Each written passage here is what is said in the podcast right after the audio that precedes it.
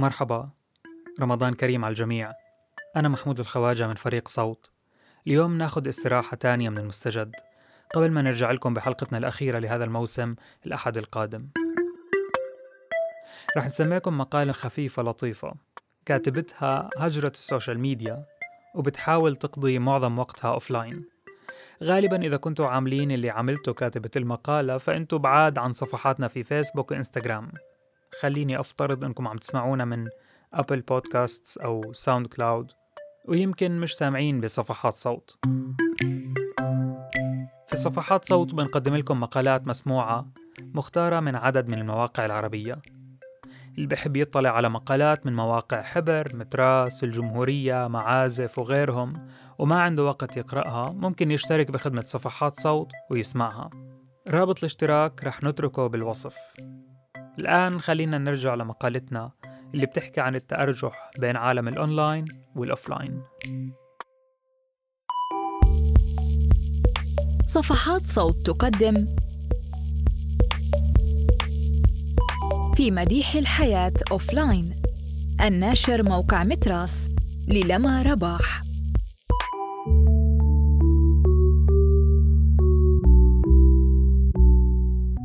حين تنوي تعطيل حسابك على فيسبوك؟ يعدد لك الموقع اسبابا محتملة لذلك ويجبرك على اختيار واحد منها. بعض تلك الأسباب منطقي كأن يكون فيسبوك مضيعة لوقتك أو أنك لا تشعر بالأمان على هذه المنصة. لكنه يقدم لك حلا لأي من تلك المشاكل فور اختيارها. نصيحة إن أردت أن تعطل حسابك بسلام وبسرعة أخبره أنك تمتلك حسابا آخر. حينها فقط سيقبل بالسبب دون عجب. أعرف هذا جيدا لأنني أعطل حسابي مرات لا تحصى وكل مرة يسألني الأصدقاء ليش اختفيتي آخر مرة عطلت فيها حسابي اقترح علي فيسبوك أن أقرر من الآن ما سيحصل بحسابي بعد وفاتي. ارتعبت. ليس من وفاتي المحتملة في أي لحظة. ما يجعل فيسبوك محقا فعلا. إنما من أن يبقى كل ذلك ورائي كالعمل الرديء. كل الصور والتعليقات والرسائل وما شاركته على مدار أحد عشر عاماً. ارتعبت من فكرة أن ذلك موجود حقاً الآن وفي اللحظة التي سأضعف فيها وأعيد تفعيل حسابي سيكون مكشوفاً للعالم. من المفترض أن يعدد هذا المقال إجابات لا تحصى للسؤال لماذا علي أن أهجر ال social media مرة واحدة وإلى الأبد؟ أكتبه وأنا ضجرة بعد أن حذفت حسابي على إنستغرام. وأزور فيسبوك مرة واحدة أسبوعيا كالحرامية ولخمس دقائق فقط. أزوره تجنبا لتفويت معلومات ضرورية تعينني على تحسس طريقي في عالم ال offline الموحش. فألقي نظرة سريعة على الأخبار التي أشعلت وسائل التواصل الاجتماعي والقضايا الأحدث لكشف المتحرشين من حولي وعلى أخبار الخطوبة والزواج أولا بأول ثم أعطل الحساب مجددا.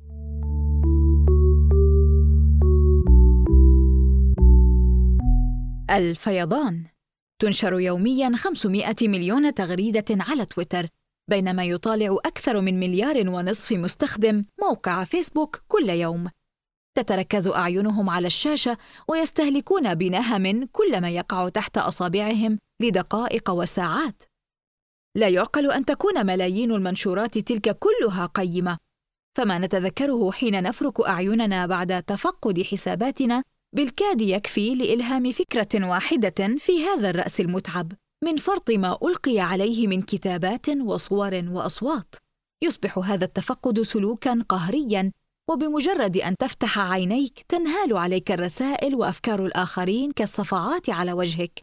متوقعين منك أن تكون متاحا لاستقبال هذا الفيضان من القلق في كل حين. علاوة على ذلك تصبح أنت أيضا منشغلا بما ستشاركه معهم. تطالع خلال نصف ساعة منشورا لشريكين يعبران عن حبهما لبعضهما وكأن الرسائل الخاصة أو المحادثات وجها لوجه قد اختفت عن وجه الخليقة. وبعدها تعلق قريبة والدتك على صورتك متمنية لك الزواج قريبا وأنت لم ترها منذ خمس سنوات. لم تكن مستعدا نفسيا لخبر محزن عن قريب صديق لا تعرفه ولم تكن لتعرف ما حصل معه لو لم ترى المنشور على فيسبوك. وذلك لأنه في الحقيقة لا يخصك ولكن ها نحن الآن. فلتحزن. لن يطول الحزن لأنك تطالع ميم مضحكة ذكورية قليلا لكن مضحكة نشرها صديق التقيت به في دورة تدريبية عام 2008 ولو رأيته في الطريق لما التفت إلى الوراء ولقلت ما قال المسافر للمسافرة الغريبة يا غريبة. إلى جانب كل ذلك الهراء ومعه كل مقاطع الفيديو لوضع مساحيق التجميل وتوقعات طلال أبو غزالة وإعلانات جلب الحبيب. إن لوسائل التواصل الاجتماعي طريقة فريدة في إفراغ القضايا الجدية من معناها. لنأخذ خبرا مهما تكرر للأسف مرارا كمقتل امرأة مثلا. أصبحنا نحفظ نمط المنشورات عن ظهر قلب. ينشر أحد الصحفيين الخبر الأولي كما نقله له جهاز الشرطة طبعا. وينسخه عنه زملاؤه في محض دقائق. حسنا نعرف الآن أن هناك فتاة قد قتلت في ظروف غامضة ونعرف أين وجدت جثتها. تعدنا الشرطة بتحقيق لن نرى نتائجه على أي حال. فيجتهد مستخدمو فيسبوك في التحليل. انتحرت. لا. لا. تستحق القتل؟ ربما. ثم يحتارون في نشر صورة الضحية بحجاب أم دونه فيقررون ألا ينشروا صورها أصلاً باستثناء صورتها وهي جثة والتي تكرم أحدهم بنشرها أول مرة. طيب، انتهينا من موضوع الصورة فلنتفرغ للتعليقات. ستتداول بعضها الإشاعات حول الفتاة وعائلتها وسبب قتلها وستهاجم بقية التعليقات هؤلاء المعلقين أعلاه. ونعود للنقاش الأول منذ بدء الخليقة للمرة الألف حول تعريف الشرف. هذا فقط مثال واحد تلقى مصيره معظم القضايا المهمة، فينسى سريعا ويضيع قبل أن نعي خطورته وآثاره ودون أن نفهم حقا ماهيته. مثله تصبح القضايا السياسية أيضا مادة سطحية للتسلية ونتابعها إلى أن يطرأ حدث أكثر إثارة، جدير بأن يكون تسلية جديدة ثم إننا نستهلك يوميا اخبارا وتحليلات سياسية واجتماعية يجتزئها أصحابها في مئتي كلمة ولا يقدمها من هم بالضرورة أشخاص ذو معرفة حقيقية إنما اكتسبوا ثقة تتراكم بحجم متابعتنا لهم. ويكرس كثر منهم صورا نمطية ومعلومات مغلوطة دون رقيب ولا حسيب سوى قسم التعليقات والذي غالبا ما يتحول إلى جبهة قتال محتدمة. هذا العالم الذي نعيش فيه اليوم وهكذا يتشكل غالبا الرأي العام اليوم وحتى أحاديثنا في العمل وفي سيارات الأجرة. أغلبها تبدأ بعبارة شفتي شو نزل على الفيسبوك؟ الأمر كذلك إن أحببنا أم انفلقنا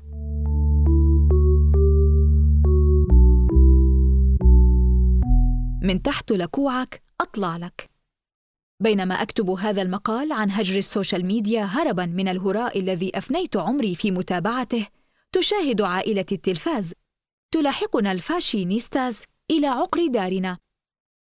في كل حلقة من برنامج تحدي الفاشينيستا الذي يعرض على قناة ال MBC تدعو جويل ماردينيان خبيرة التجميل الأشهر فتيات يمتلكن عددا لا بأس به من المتابعين على تطبيق إنستغرام ليخضن مسابقة في اختيار ملابس جديدة للمشتركين والمشتركات. هؤلاء الطامعين في تغيير style هم. أشاهدهن وأنا أرتدي ملابس النوم وأحتسي شوربة العدس مع فجلتين.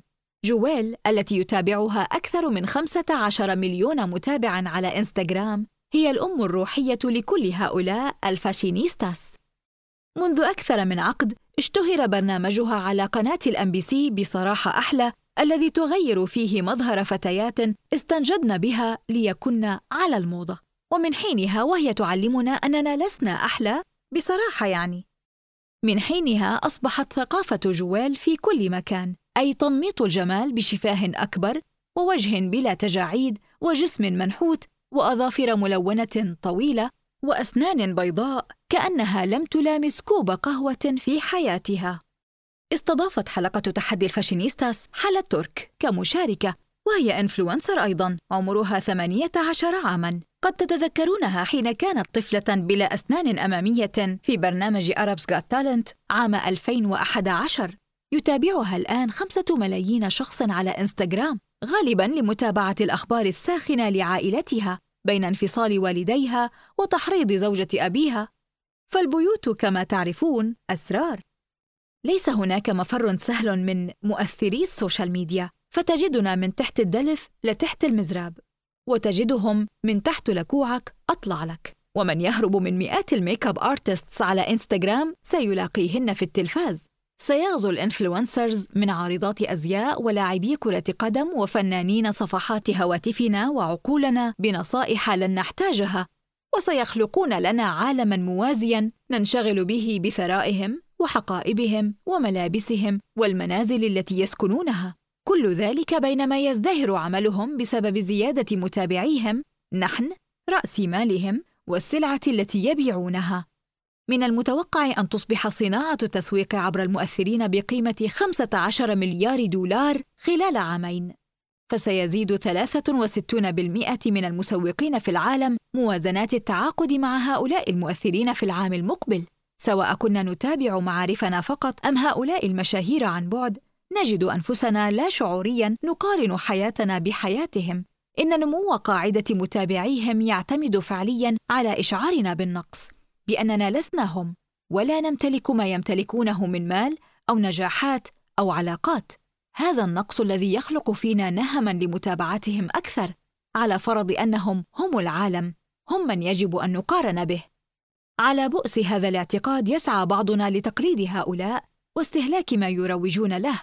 لعلنا نحصل على هذه الحياة الفاخرة المثالية التي لا نرى منها إلا دقائق معدودة ممسرحة فقط.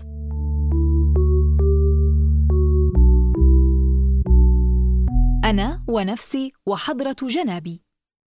هذا ليس ادعاء شخصيا كجل ما ورد أعلاه. الإدمان على وسائل التواصل الاجتماعي هو تعبير عن اضطراب نفسي يكمن السبب في طبيعة المنصة ذاتها لأن مواقع التواصل تهدف بالأساس إلى الترويج للذات فيربط الباحثون الإدمان على وسائل التواصل الاجتماعي بالنرجسية أو بتزعزع الثقة بالنفس. وبلسم الاضطرابين هذين هو المزيد من الاهتمام والتوكيد من الآخرين. نتعطش لتقييم مستمر من العالم. هذه صورتي وأنا أرتدي فستانا. فقولوا لي إني جميلة. أمطروني بالإطراءات. انظروا نجحت بالامتحان. حتى لو كان امتحانا سخيفا. تعالوا نحكي عني أنا وأنا فقط. ركزوا معي. أبدو عبقرية. أليس كذلك؟ تترافق هذه النرجسية التي تغذيها السوشيال ميديا وتعتاش عليها مع جعل كل موقف منصبا حولنا. مثلا لنفرض أن هناك كارثة قد حصلت كانفجار راح ضحيته العشرات. فمن الطبيعي أن ينشر عنه الناس على صفحاتهم لأنه موضوع مهم ورائج وليتحدثوا عن حزنهم وتأثرهم بهذا الحدث لنشر التوعية عما حدث أو تضامنا مع الضحايا. لكن جزءا من هذا الفعل في الحقيقة هو استعراض لأنفسنا حتى لو تم ذلك بنية طيبة صادقة. ضمن هذا النمط الذي أصبح طبيعيا نشارك حزننا الصادق لكن لنكافئ على التضامن باللايكات والمشاركات والمزيد من توكيد الآخرين على مدى حساسيتنا وإنسانيتنا. بعد أن نشعر بهذه الغبطة والمكافأة يتغير شكل حزننا الصادق تعطشا لذاك الاهتمام. ينطبق ذلك على أي منشور شاركنا فيه رأينا أو حتى قلنا فيه نكتة لاقت رواجا. يصبح أصحاب سلطة اللايكات حاضرين في رؤوسنا. حين أعطل حساباتي أشعر بحرية تجتاحني من كل هؤلاء ومن حاجتي مثلهم للتقييم المستمر ومن استيائي بفعل ما ينشره الآخرون وقلقي مما يظنونه عني وكيف تختلف حيواتهم عن حياتي؟ يصبح سؤال ليش اختفيتي باعثا للسعادة؟ لأنه يؤكد لي أن جزءا مني اختفى قليلا ليرتاح. وفي حياة الأوفلاين مديح كثير ليقال إلى أن أضعف ثانية وأفعل حساباتي. كنا معكم من التقديم أروى الخواجة ومن فريق التحرير راشد البابلي وجنى قزاز. هذا العمل من إنتاج صوت.